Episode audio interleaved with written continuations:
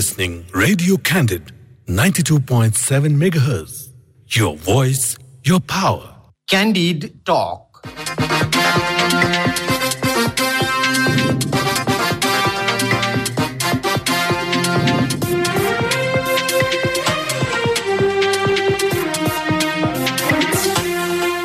नमस्कार क्यान्डिड टकमा तपाईँलाई स्वागत छ। म धीरज बस्नेत। रेडियो क्यान्डिडको प्रस्तुति कार्यक्रम क्यान्डिड टक तपाईँले शनिबार बाहेक हरेक दिन बिहान साढे छ बजेबाट सात बजेसम्म आधा घन्टा सुन्दै आइरहनु भएको छ।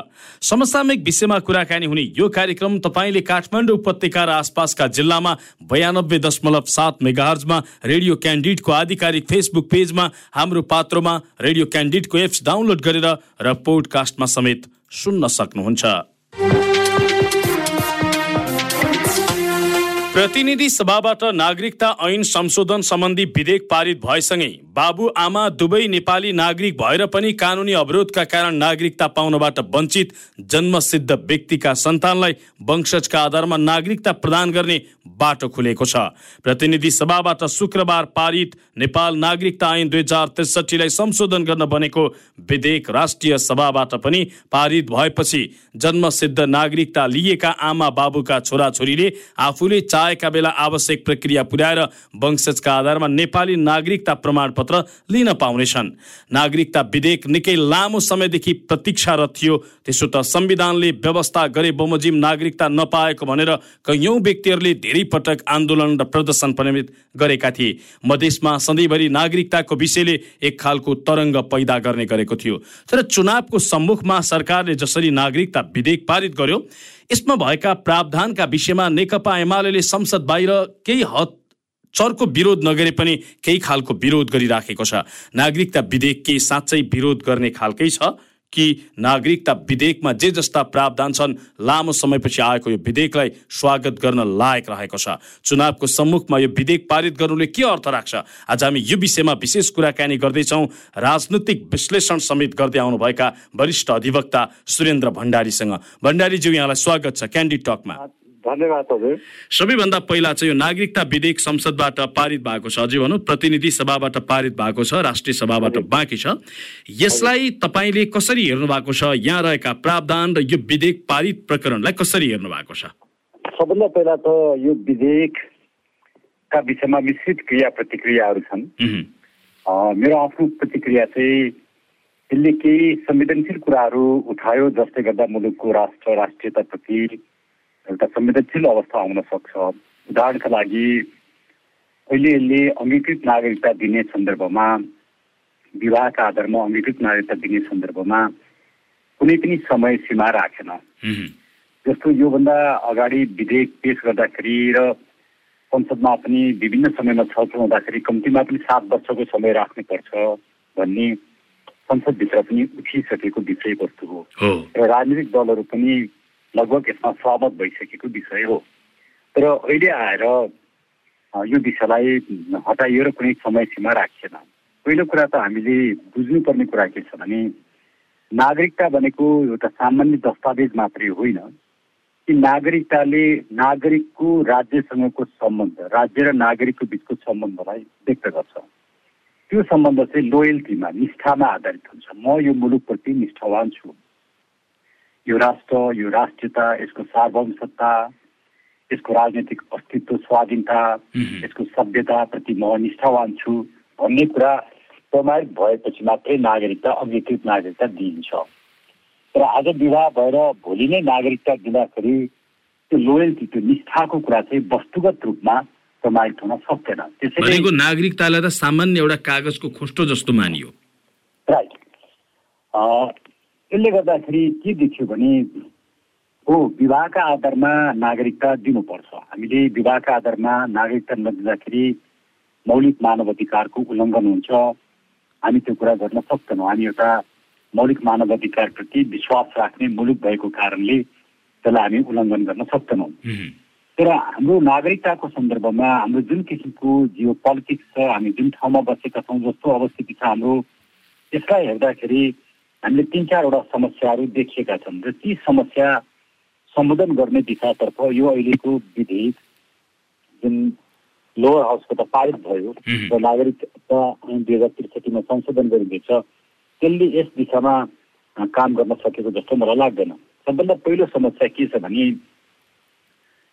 कुनै पनि मुलुकमा पहिलोचोटि नागरिकता दिने अवस्थामा त्यो मुलुकका कोही पनि व्यक्ति नागरिक हुँदैनन्। पहिलोचोटि नागरिकता दिँदा।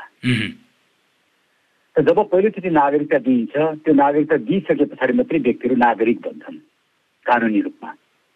हाम्रो मुलुकमा दुई हजार नौ सालमा पहिलोचोटि नागरिकता दियो नागरिकता ऐन आयो त्यस पछाडि हामीहरू नागरिक बनेका हौँ। त्यस बेला के गरिन्छ भने पहिलोचोटि नागरिकता दिँदाखेरि यो समयमा यो नागरिकता प्रदान गरेको समयमा समयभन्दा अघि यो मुलुकमा बसोबास गरेका र जन्मिएका व्यक्तिलाई नागरिकता प्रदान गरिनेछ भनेर भनिन्छ। त्यो चाहिँ एकचोटि यसरी गरिन्छ त्यसलाई कट अफ डेट भनिन्छ। उम्, यो कट अफ डेट भनेकै बसोबासका आधारमा र जन्मका आधारमा पहिलोचोटि नागरिकता पाउँदाखेरि त्योभन्दा अगाडि कोही पनि नागरिक हुँदैनन्। पहिलोचोटि कसैलाई नागरिक भन्दा के का आधारमा बनाउँछ? नागरिकको छोराछोरी नै हुँदैन किन कोही नागरिकै हुँदैन। त्यसले गर्दा बसोबास र जन्मका आधारमा दिइन्छ। त्यो एकचोटि मात्रै दिइन्छ। हामीले दुई हजार नौ साललाई कट अफ डेट बनाउनु सक्नु पर्थ्यो हाम्रो कानुनले बनाएन। त्यसलाई सधैँ खुकुलो बनायो सधैँ बढाउँदै लग्यो। दुई हजार बिस सालमा फेरि अर्को ऐन बनायो त्यसले पनि खुकुलो बनायो उन्नाइस सालको संविधानले पनि खुकुलो बनायो। हामीले त्यस पछाडि आएर सडचालिस सालमा संविधान बनायौँ त्यसले छ्यालिस साल चैत मसान्तसम्म ल्यायो। अब यसरी हामीले सधैँ कट अफ डेट बढाउँदै बढाउँदै बढाउँदै गयौँ। र अहिले अब बहत्तर सालको संविधानमा आएर त्यसलाई बहत्तर साल असोजसम्म लिएर आइयो। अब यहाँनिर एउटा ठुलो प्रश्न खडा भएको छ। संविधानले बहत्तर साल असोज तिन गते भनेर भनेको छैन। तर अहिलेको यो विधेयकले बहत्तर साल असोज तिन गते भन्यो। संविधानले भनेको कुरा चाहिँ के छ भने यो संविधान प्रारम्भ हुँदाका बखत भनेर भनेको छ। अब यो संविधान प्रारम्भ हुँदाका बखत भनेको कुरा दुई हजार बहत्तर साल असोज तिन गति हो कि होइन भन्ने एउटा ठुलो संवैधानिक र कानुनी प्रश्न खडा भएको कसरी? जस्तो संविधान त असोज तिन गते नै जारी भएको। एक्ज्याक्टली यो संविधान प्रारम्भ हुँदाका बखत भनेको के हो भने यो संविधान प्रारम्भ हुँदाका बखत नागरिकता पाएका भनेको संविधानले? त्यो नागरिकता कहिले पाए भन्दाखेरि दुई हजार त्रिसठी सालको अन्तरिम संविधानले के भन्यो भने कट अफ डेट दुई हजार छ्यालिस साल सहित मसान्त हुनेछ भन्यो। दुई हजार बहत्तर सालको संविधानले कट अफ डेटको बारे केही पनि नबोलिकन यो संविधान प्रारम्भ हुँदाका बखत नागरिकता पाएका भनेपछि कुन कट अफ डेटका आधारमा नागरिकता पाए? छ्यालिस साल सहित मसान्तको कट अफ डेटका आधारमा। त्यसले संविधानको व्याख्या चाहिँ यसरी हुन्छ। तर ऐनले के गरिदियो यो अहिलेको विधेयकले बहत्तर साल असोज तिन गते भनेर किटान गरिदियो त्यसले गर्दाखेरि हाम्रो छ्यालिस साल चैत मसान्तको कट अफ डेट अब कहाँ सर्ने भयो आएर हो। सर्ने भयो त्यसरी एउटा यहाँ संवैधानिक प्रश्न एउटा देखा परेको छ तर संवैधानिक प्रश्न देखा परे पनि नपरे पनि यसरी कट अफ डेट हामीले बढाउँदै लिएर जाने प्रत्येक परिवर्तन पछाडि प्रत्येक नागरिकता ऐन र संविधान आएपछि बढाउँदै लिएर जाने हो भने त हामीले त कुनै दिन यस्तो अवस्था आउँछ कि नेपालीहरू चाहिँ अल्पमतमा पर्ने. र विदेशी चाहिँ बहुमतमा पर्ने र हाम्रो मुलुक र हाम्रो स्वाधीनता नै समाप्त हुने अवस्था आउन सक्छ। त्यसैले यो प्रब्लमलाई यो अहिलेको विधेयकले जिउका तिउ बना झन् एक्जासर्बेट गरे झन् चर्को बनायो भन्ने मलाई लागेको कुरा तर नागरिकताको समस्या त निकै लामो समयदेखि थियो। आम नागरिक कैयौँ व्यक्तिहरू जो चाहिँ नागरिकता नपाएका कारणले तडपिनु परेको थियो यो यो समस्या त एक हदसम्म समाधान भयो नि त यसले त। यसले समाधान गर्छ जस्तो त मलाई लाग्दैन। किनभने जो नेपाली नागरिकका सन्तान हुन् उनीहरूले नागरिकता सामान्य प्रक्रियाबाट नियमित प्रक्रियाबाट जस्तो नागरिकता ऐनको दफा नौ अन्तर्गत सिडिओ कार्यालयबाट नागरिकता पाउने कुरालाई कसैले पनि रोकेको छैन। होइन कैयौँ व्यक्तिहरू जसले चाहिँ अब बाबुको नामबाट नागरिकता नपाउ आमाको नामबाट नागरिकता नपाउने बाबु नहुँदाखेरि धेरै खालका समस्या झेल्नुपर्ने यी कैयौँ समस्याहरू त थिए नि त उनीहरू त कैयौँ। समयदेखि विरोध प्रदर्शनमा उत्रिँदै आएका थिए मेरो राज्य खोइ भनेर खोज्दै आएका थिए। अब यो यो एउटा अहिलेको नागरिकताको समस्याको दुईटा पाटाहरू छन् क्या। एउटा पाटो चाहिँ के छ भने कतिपय जेन्युनली नेपाली नागरिकता पाउनुपर्ने व्यक्तिहरू उनीहरूले नागरिकता पाएका छैनन् त्यस्ता व्यक्तिहरूलाई नियमित प्रक्रियाबाट नागरिकता दिनुपर्छ र अदालतले पनि बोलिसकेको छ कि आमाको नामबाट नागरिकता पा पाइन्छ भनेर अदालतले बोलिसकेको छ। त्यो कुरा उहाँहरूले अहिलेसम्म सरकारले लागू गरिराखेको छैन। त्यसैले नागरिकताको यो समस्यालाई जेन्युन मान्छेले नागरिकता पाउनुपर्ने कुरालाई नियमित प्रक्रियाबाट समाधान गरिन्छ सम्बोधन हुन्छ। तर यो अहिले गर्न खोजेको के हो भने दस लाख मान्छेले नागरिकता पाएका छैनन्। त्यसैले अब यो नागरिकता विधेयक पारित ऐनमा संशोधन गरेर टोली बनाएर नागरिकता दिने भन्ने अहिले सरकारको रणनीति हो। त्यो भनेको चाहिँ कस्तो? चुनावको मुखमा आफ्ना मतदाता बढाउन वारवार्ती देशमा विदेशीलाई नागरिकता प्रदान गर्न खोजिएको हो भन्न खोज्नु भएको तपाईँले एक्ज्याक्टली त्यसैले एकातिर हामीले विदेशीले नागरिकता नपाओस् भन्ने कुरामा सचेत हुनुपर्छ। सँगसँगै नेपालीले नागरिकता पाउनबाट वञ्चित नहोस् भन्ने कुरामा पनि सचेत हुनुपर्छ। यो समस्यालाई यो विधेयकले यो अहिले ऐनमा हुने संशोधनले सम्बोधन गर्न सकेको छैन। किन सक्दैन भने पहिलो कुरो त कट अफ डेट बढाउन हुँदैन। दोस्रो कुरा त नागरिकता टोली बनाएर नागरिकता बाँड्ने काम गर्न हुँदैन। किनकि नागरिकता टोली बनाएर अहिलेसम्म हामीले जति नागरिकता बाँड्यौँ लगभग बत्तिस सालदेखि त्रिसठी चौसठी सालसम्म आउँदाखेरि एक करोड पाँच लाख मान्छेलाई बाँडेछौँ। यो विषयमा भारतका तत्कालीन गृहमन्त्री अहिलेका डिफेन्स मिनिस्टरले के भने भने नेपालमा भएको नागरिकता मध्ये नागरिकहरूमध्ये लगभग तिस पर्सेन्ट भारतीयहरूले नागरिकता लिएका छन्। र अझै पनि मधेसमा चालिस प्रतिशत भारतीयहरू नागरिकता पाउनबाट वञ्चित छन् र त्यो विषयमा चाहिँ नेपालले नागरिकता दिनुपर्छ भनेर बोलेका छन्। यसले के देखाउँछ भने हामीले यसरी टोली बनाएर नागरिकता बाँड्ने कुराले चाहिँ सबै नेपालीहरूको समस्या चाहिँ सम्बोधन नभइराखेको तर विदेशीले नागरिकता पाइराखेको। त्यसैले भनेको खास गरी सरकारले नेपाली जो साँच्चै नागरिकता पाउनबाट वञ्चित छन् तिनका समस्याप्रति कम चिन्तित र विदेशी नागरिकहरूलाई नागरिकता दिनका लागि बढी चाहिँ उनीहरूले सक्रियता देखाए जस्तो यो विधेयकले पनि त्यही बोल्यो यसको अर्थ? त्यही नै हो यसको परिणाम चाहिँ त्यही हुन्छ। जस्तो अहिले पनि जस्तो भनौँ न नेपाली आमा छिन् बाबु पत्ता लागेको छैन छोराछोरी छन् उनीहरूले नागरिकता पाउनुपर्छ भन्ने कुरोमा त अदालतले पटक पटक बोलिसकेका छ हामीले नै कतिवटा मुद्दामा मुद्दा गरिसकेका छौँ। तर सरकारले त कार्यान्वयन गरेको थिएन। गर्दैन। सरकार के भन्छ भने होइन तपाईँको यो मुद्दामा पो हो त अरू मुद्दामा त भनेको छैन नि भनेर मानिसलाई दुःख दिन्छ। सर्वोच्च अदालतले एउटा सिद्धान्त स्थापित गरिसकेपछि त्यो सर्वोच्च अदालतको सिद्धान्त भनेको कानुन छोरा हुन्छ। त्यसलाई लागू गर्नु सरकारको संवैधानिक दायित्व संविधानको धारा एक सय छब्बिस अन्तर्गत एक सय अठाइस अन्तर्गत सरकारको दायित्व तर उहाँहरू गर्नुहुन्न। त्यसैले स्वयं सरकार नागरिकता दिनबाट नेपालीहरूलाई दुःख दिने जसले गर्दा उहाँहरूको राजनीतिक सामाजिक आर्थिक अधिकार एउटा ड्राइभिङ लाइसेन्स पाउँदैन ब्याङ्क अकाउन्ट खुल्दैन जागिर पाइँदैन कति एउटा पीडा छ। यो पीडालाई जिउका क्यौँ बनाउने? अनि फेरि अहिलेको नागरिकता विधेयक कसरी पास भयो यसको कन्टेक्स्टलाई हामीले हेरौँ। प्रचण्डजी भारत भ्रमणमा जानुभयो। त्यहाँबाट नेपाल आइसके पछाडि उहाँहरूको पार्टीले के निर्णय गर्यो? यो सात वर्षको जुन प्रावधान छ हाम्रो त्यसमा अडान नराख्ने भनेर उहाँहरूले निर्णय गर्नुभयो। अनि त्यस पछाडि यो पारित भयो। अब यसले के देखाउँछ भने हिजो नेपालको संविधान जारी हुँदाका बखत भारतले केही ग्रजेजहरू राखेको थियो। त्यो ग्रजेजहरू मध्येको एउटा ग्रजेज के थियो भने नागरिकताको समस्या सम्बोधन नभएको भन्ने पनि ग्रजेज थियो अब अहिले उहाँ भारत भ्रमण सिद्ध्याएर आउने अनि पार्टीबाट त्यो निर्णय गर्ने अनि संसदबाट यो विधेयक पास गर्ने र त्यो सात वर्षको कुनै सीमा नराख्ने भनिसके पछाडि यसले के कस्तो देखाउँछ भने हामी मुलुकको समस्या समाधान गर्ने भन्दा पनि चुनावको मुखमा विदेशीहरूलाई रिजाउने र भोट बटुल्ने एउटा सस्तो लोकप्रियताका लागि र मुलुकको राष्ट्रिय हितभन्दा बाहिर गएर आफ्नो निहित राजनीतिक स्वार्थका लागि यो विधेयक हामी ल्याइराखेका छौँ र ऐनमा परिमार्जन गरिराखेका छौँ भन्ने कुरा सजिलैसँग बुझ्न सकिन्छ। तर यो नागरिकताको विषयमा सरकार किन यति धेरै बेवास्ता किन यति धेरै सरकारले लापरवाही गरेको होला? यो पछाडिका कारणहरू के हुन सक्छन्? यो पछाडिको कारण चाहिँ कस्तो रह्यो भने हामीले वास्तवमा नागरिकताको विषयमा हाम्रा समस्या के हुन् यसको सम्बोधन के हो भनेर कहिले पनि गम्भीरतापूर्वक छलफलै गरेनौँ। न संसदमा छलफल हुन्छ न बुद्धिजीवीहरूको बिचमा छलफल हुन्छ। हामीले सधैँ यसलाई एउटा इमोसनलको विषय बनायौँ। र अदालतमा केही रिटहरू लिएर गइयो त्यहाँ पनि केही रोकियो त्यो पनि समस्या सम्बोधन गर्ने भन्दा नि एउटा घटनासँग सम्बन्धित मात्रै भयो। हाम्रा मुख्य समस्या चार पाँचवटा समस्या छन्। जुन समस्या सम्बोधन नभइकन नागरिकताको समस्या सम्बोधनै हुँदैन जस्तो एउटा समस्या मैले अघि भने कट डेटको समस्या। दोस्रो नागरिकता टोली बनाएर वितरण गर्ने समस्या। अङ्गीकृत नागरिकको नागरिकको समस्या तेस्रो चौथो खुल्ला सिमानाको समस्या। पाँचौँ कसलाई चाहिँ वंशजका आधारमा नागरिकता दिने र नदिने भन्ने विषयमा समेत हामी एउटा सबै कानुनमा सबै संशोधन परिमार्जन गरिरहनु पर्ने अवस्थामा छौँ। यस्तो विषयमा समेत हाम्रो एउटा स्पष्ट नीति बन्न सकेको अवस्था छैन।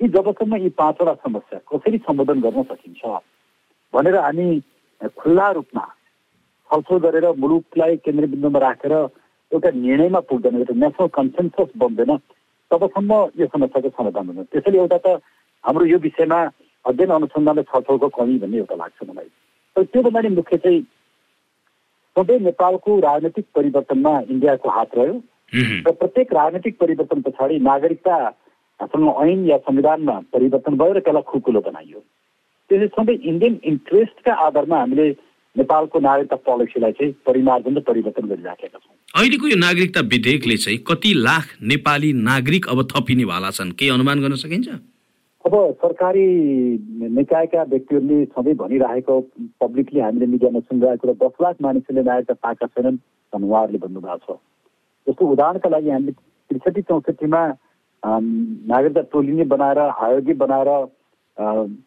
नागरिकता वितरण गऱ्यौँ र झन्डै चौध लाख मानिसहरूले नागरिकता पाइसकेको अवस्था छ अब त्यत्रो नागरिकता पाइसकेपछि त्यसरी ती सबै मानिस नेपाली भइसक्यो नि ती नेपालीका छोराछोरीले नागरिकता नपाउनु पर्ने त कुनै कारणै छैन अब। त्यो समस्या कहाँ छ यहाँले भने जस्तो हो कुनै चेली विदेशमा गएकी छिन् बच्चा जन्मेको छ लुग्ने छोडेको छ उनका सन्तानले नेपाल आएपछि नागरिकता पाउनु पर्छ यी समस्या भनेको धेरै ठुलो लाखौँको समस्या छैन यहाँ। केही हजारको समस्या छ। यो समस्या तुरन्तै समाधान हुने समस्या यसलाई समस्या बनाइराख्नै नपर्ने कुरा हो। तर त्यो दस लाख मान्छे भनेको को हुन् त? उहाँहरूको भनाइ दस लाख त भोलि दिँदा त थुप्रोलाई दिनुहुन्छ। को हुन् त ती मान्छे? कसरी आइडेन्टिफाई भयो? सरकारसँग त्यो दस लाख भन्ने डेटा कहाँबाट आयो? कुन स्रोत हो त्यसको? त्यो केही पनि छैन। उहाँहरू समस्यालाई अतिरञ्जित गर्न दसौँ लाख मान्छेले नागरिकता पाएका छैनन्। यो विधेयक चाहिएको छ। हिजो त्यत्रो बाँडेर किन समस्या समाधान गर्नु भएन त? एक करोड पाँच लाख मान्छे त अहिलेसम्म नागरिकता टोली बनाएर नागरिकता बाँडिएका मान्छेहरूको सङ्ख्या एक करोड पाँच लाख किन समस्या सम्बोधन भएन त?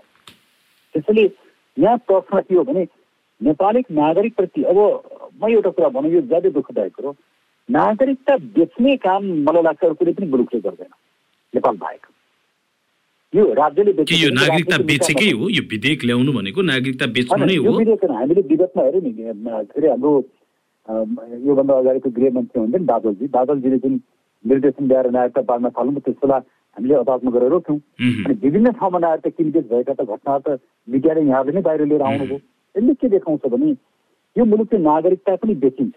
त्यसैले हामीले जबसम्म नागरिकताको सिफारिस गर्ने त्यो वडा कार्यालयदेखि लिएर नागरिकता दिने व्यक्तिसम्मले विदेशीलाई नागरिकता दिएको देखिएमा कारवाही हुनेछ र दण्डित हुनेछन् र गलत व्यक्तिलाई विदेशीलाई नेपाली भनेर सिफारिस गर्ने व्यक्तिले पनि सजाय पाउनेछन् भन्ने कानुन जबसम्म बनाउँदैनौँ तबसम्म यो समस्या समाधान हुँदैन तर त्यो दिशामा त कानुनमा केही पनि छैन किन हामी गलत सिफारिसका आधारमा विदेशी नागरिकता पाउने कुरालाई चाहिँ रोक लगाउँदैन र त्यो कुरामा त्यस्तो काम गर्नेलाई कारवाही गर्दैनौँ। भनेको नागरिकताको समस्या समाधान गर्ने भन्दा पनि नागरिकता जसलाई पनि वितरण गर्न सक्ने गरी खुकुलो प्रावधानहरू आए जुन घातक छ।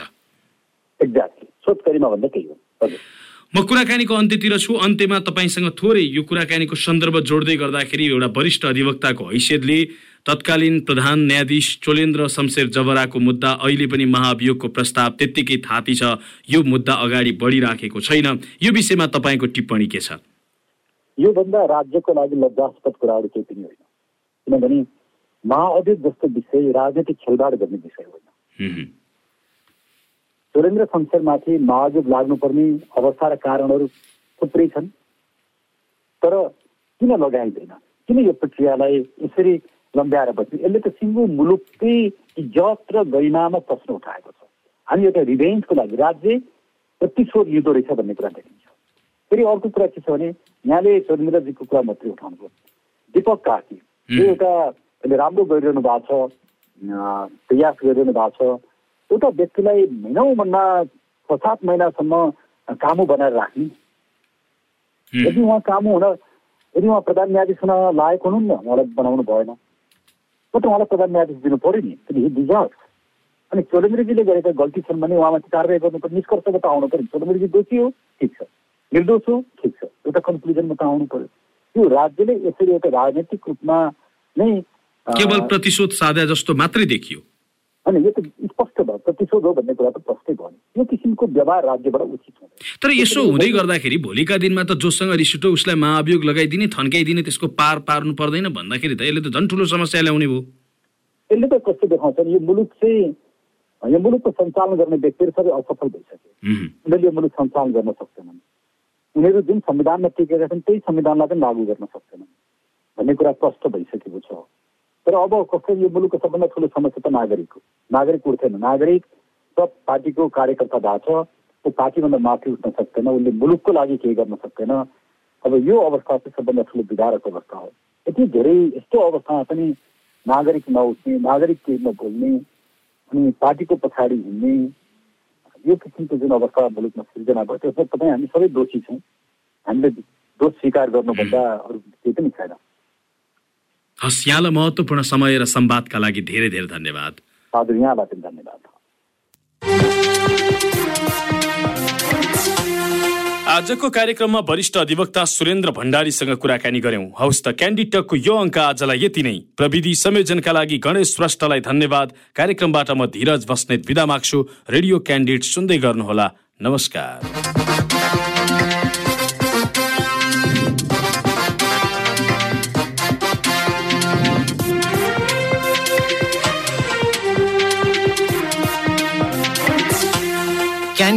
Talk.